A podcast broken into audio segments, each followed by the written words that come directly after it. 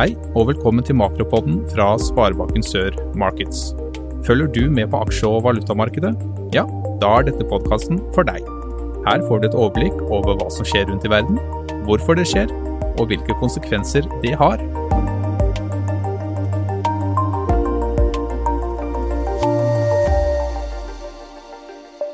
Da sier vi vel møtt til en ny episode av Makropodden. Og eh, i dag er vi kommet til eh, mars, og der da er det masse å prate om. Eh, I dag skal vi se på hva som dominerer markedet i øyeblikket, og det er selvfølgelig Russlands invasjon i Ukraina. Og Hvordan slår så dette ut i energipriser? Hvordan slår det ut i matvarepriser? Hvordan tror vi at inflasjonen blir framover? Hva må sentralbankene gjøre for å løse noen av disse problemene? Og hvordan vil rentesituasjonen både her hjemme og ute i både Europa og i USA være i årene framover? Dette prøver vi å gi noen svar på i denne makropodden. Men eh, la oss begynne med det som har vært det store de siste månedene, nemlig smitte og inflasjonsfrykt. Selv om nå har krigen overtatt totalt. Men eh, det er en del smitte fortsatt. Eh, ingen nedstengninger. En god del er hjemme på disse pålagte fire dagene. Men eh, samfunnet går rimelig normalt igjen. Eh, høy inflasjonsfrykt rir jo markedene, og det var vi inne på i forrige måneds episode. Rekordhøy inflasjon mange steder av flaskehalser, knapphet på råvarer osv. Og, og så har vi en energikrise. Eh, både gassprisene er gått sky high, strømprisene går i taket, oljeprisene går kraftig opp, og så i stor grad stengte grenser for arbeidsinnvandring, som også gjør noe med hvordan er arbeidsledigheten rundt forbi i de forskjellige landene. Og så, det som dominerer nå, det er Russlands invasjon i Ukraina. Det har jo ført til at energipriser virkelig er gått til himmels. Og eh, det som nok er helt klart, er at inflasjonen vil nok bli enda betydelig høyere i de neste månedene. Spørsmålene eh, er jo da om eh, dette vil dempe forbruket så mye at ikke det er behov for så mye renteøkninger, men vi kan også komme til å få at sentralbankene kommer til å levere ganske mange renteøkninger i månedene framover.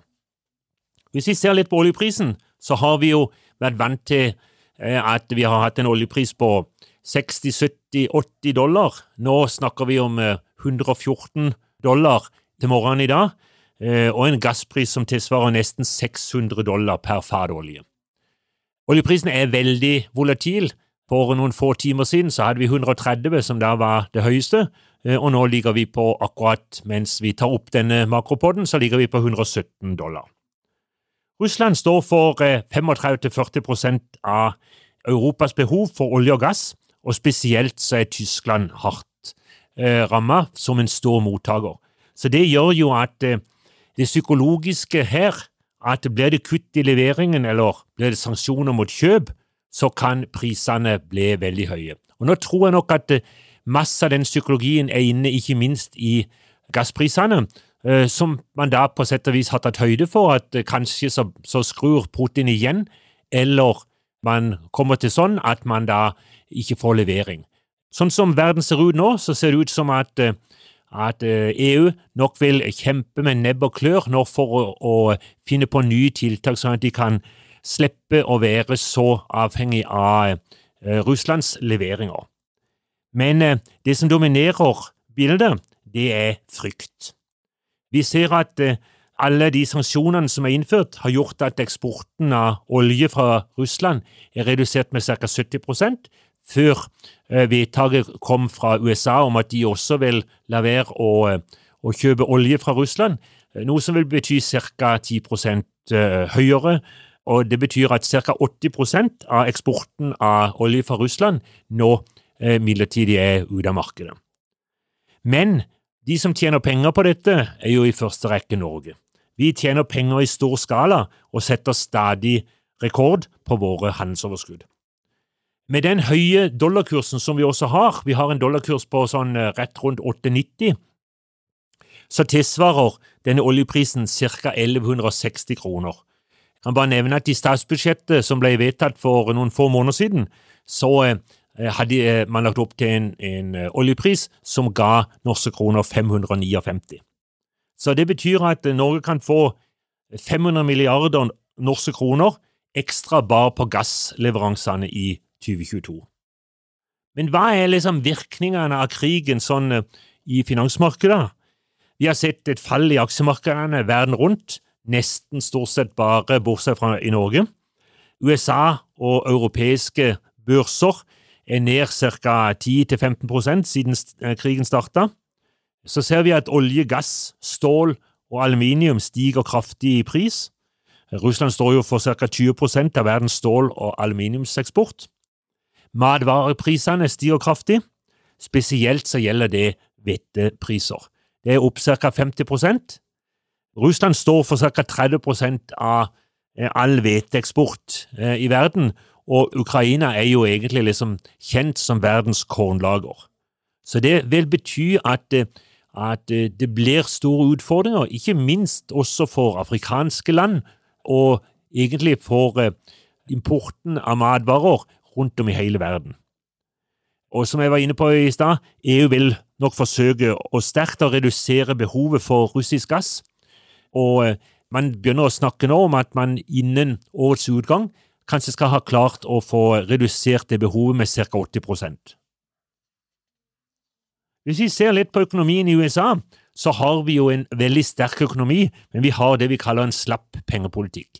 Vi har en, eh, en rente som er relativt lav, rundt 0,25 i øyeblikket. skaper stadig nye arbeidsplasser. Ledigheten er lav. Ledigheten er under 4% Sist notering var på 3,9% altså meget stramt arbeidsmarked i USA. Stor etterspørsel etter kvalifisert arbeidskraft. Og vi ser at ledigheten kan faktisk komme til å falle videre. Og hva gjør det? Jo, det gir oss risiko for høy lønnsvekst. Og når da det har vært knapphet som følge av pandemien, knapphet på råvarer, knapphet på masse ting, og energiprisene går sky high, hva fører det til? Jo, det fører til at inflasjonen går i taket. Og inflasjonen for i januar Vi har ikke fått februartallene enda eh, i USA, men eh, inflasjonstallene i januar var 7,5% og selve liksom, kjerneinflasjonen var på 5,5 Så det har jo ført til at eh, renteforventningene i USA er dramatisk endra de siste tre-fire månedene. Fra å tro at dette er midlertidig, at dette går nok over, så eh, prises det nå inn en stor sannsynlighet for at det kan komme minst fem rentehevinger i løpet av 2022. Og eh, vi frykter nok at inflasjonen blir enda høyere de neste månedene, ut fra den sterke økningen som vi ser både i matvarepriser og i energipriser. Og Dermed så er det veldig sannsynlig at vi får en renteøkning allerede nå i mars, i løpet av en ukes tid eller, eller halvannet, eh, når det skal være møte i den amerikanske sentralbanken. Kanskje får vi en oppgang på 0,5, eh, altså 0,50% men mest sannsynlig så er det 0,25 som de vil legge på så tror mange at det vil da komme igjen både på aprilmøtet, på maimøtet og på junimøtet. Og så tror man kanskje at det vil komme på annethvert møte resten av 2022.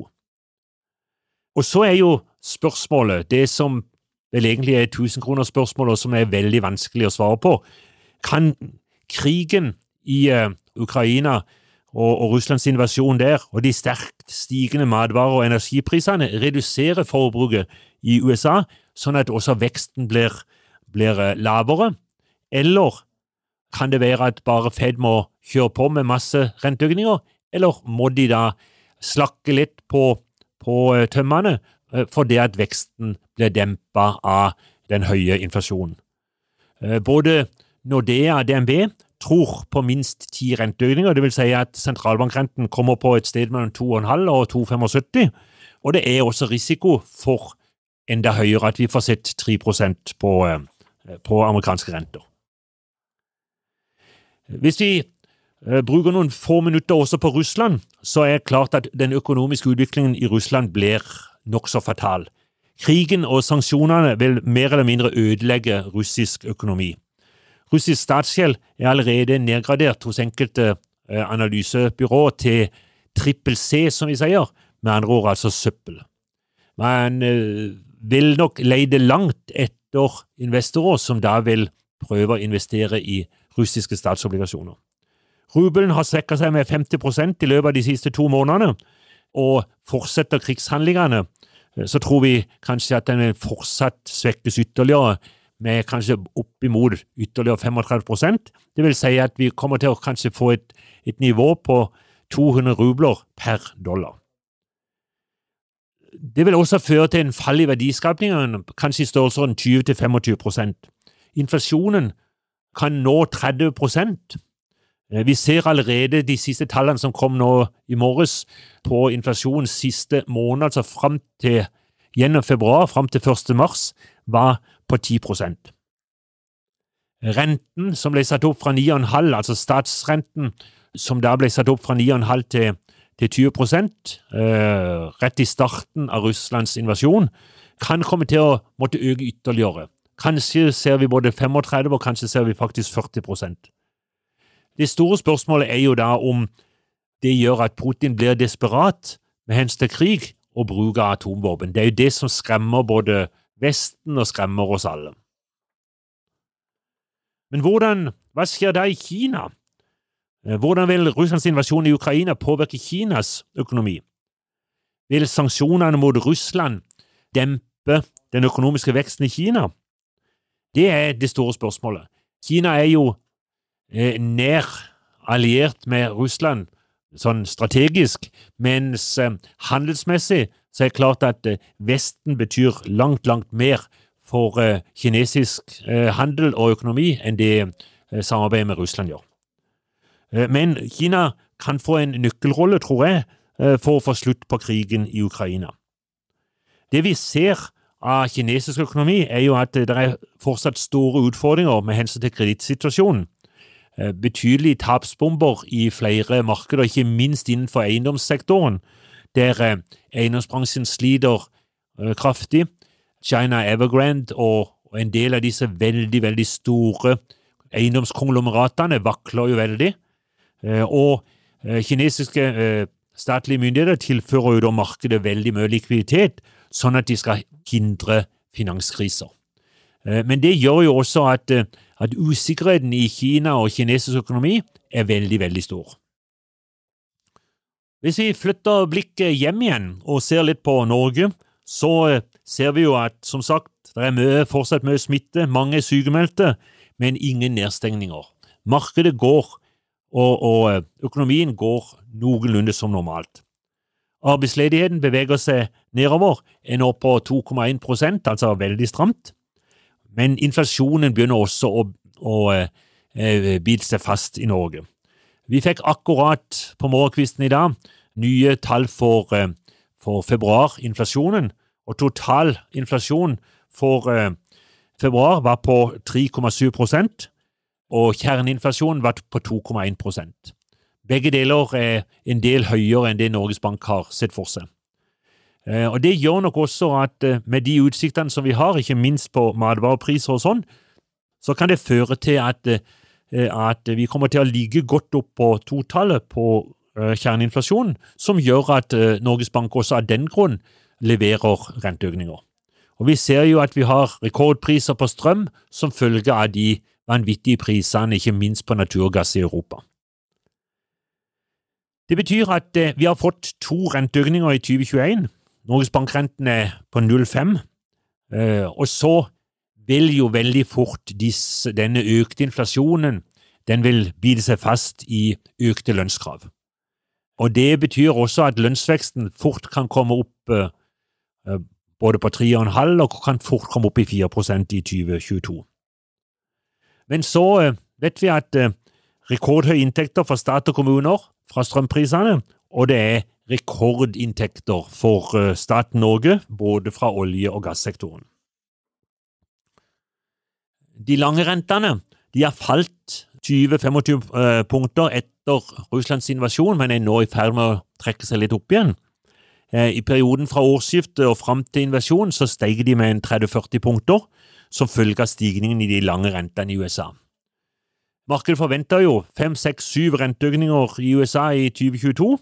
Her hjemme så forventer vi fire renteøkninger, altså hvert kvartal, men eh, etter de pristallene som kom i dag, så ser jeg også at enkelte aktører også åpner opp for at det kan komme til å bli fem renteøkninger i Norge i 2022. Og deretter ytterligere én, to eller tre i 2023-2024. Det hele vil komme til å avhenge veldig av stramheten i arbeidsmarkedet, av inflasjonsutviklinga, av lønnsveksten og hvordan dette vil slå ut i forbruket, om det blir noe dempa forbruk. I tillegg så vil veldig mye avhenge av hva som skjer med hensyn til Russlands invasjon i Ukraina. Når det gjelder boligprisutviklinga, så har vi jo sett en sterk oppgang også etter jul. Og det som er spørsmålet er det, det er jo fortsatt om det bare skyldes en del av disse nye regelverket som er kommet, og som har gjort at det har vært mindre utbud av boliger, eller om dette faktisk betyr at vi er på fortsatt en veldig høy trend. Men eh, det som er spennende nå, er jo hvordan vil det slå ut det at boligrenten kanskje i løpet av et år vil være fordobla.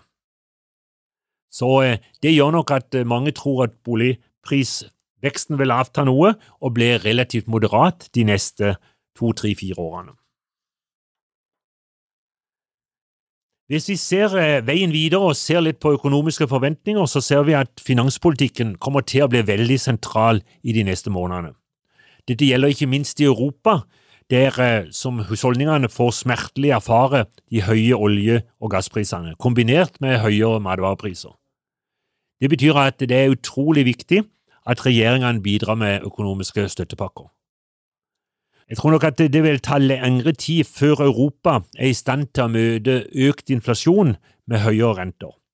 Men eh, de høyere mat- og energiprisene de kan i seg selv dempe forbruket. I USA vil nok eh, man måtte bekjempe inflasjonen mye mer med en serie med renteøkninger. Når det gjelder eh, veien videre i Norge, så tror vi fortsatt på et stramt arbeidsmarked vi tror at uh, lønnsoppgjøret blir relativt uh, høyt. Eh, det som kanskje kan dempe det litt, det er jo at krigen også kan uh, få den effekten at bedriftene tjener mindre, fordi at det blir høyere utgifter og det blir knapphet på masse varer. Det kan gjøre at det er kanskje den eh, sida som da kan dempe lønnskravene noe. Eh, men eh, vi tror nok at staten kan komme til å bli tvunget til å etablere ytterligere større og flere støttepakker. Eh, det er allerede klart at de kommer med støttepakker på strøm som vil, vil gå videre fra utgangen av mars, som det har vært gjort kjent tidligere, også for både april og antageligvis også fram mot sommeren. Og Så er spørsmålet om ikke de også må gjøre noe når det gjelder bensin- og dieselprisene rundt forbi. Eh, kanskje kutte i eh, CO2-avgifter, kanskje kutte i, eh, i, andre avgifter, som kan gjøre at, at diesel- og bensinprisene kan komme nedover igjen mot og kanskje i underkant av 20, 20 kroner.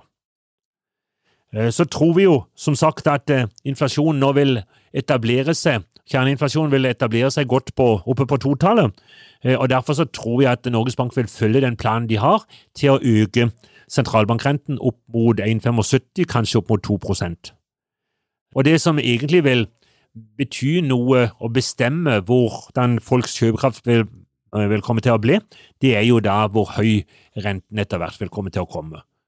Så er det klart at vi kan få en sånn en spiral etter hvert, der eh, vi får høyere inflasjon, som kompenseres helt eller delvis med høyere lønnskrav, som igjen fører til økt Eh, inflasjon, og som vi så igjen fører til økte lønnskrav. Det er alltid en, økonomisk sett, en, en veldig uheldig utvikling for, eh, for eh, de fleste lands økonomi. Vi ser nå at tremåneders Nyborg ligger på 1,32.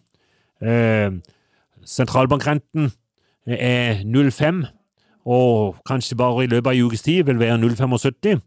Og med ytterligere tre-fire renteøkninger så eh, tror vi jo at eh, Tremåneders Nibor ved årets slutt vil være på ca. 2 eh, Hvis det da også kommer et par renteøkninger i 2023, eh, så kan forte tremåneders Nibor bli 2,50. Eh, Og så er spørsmålet om kampen mot inflasjon blir så hard for Norges Bank at de fortsatt må, må heve renten ytterligere. det.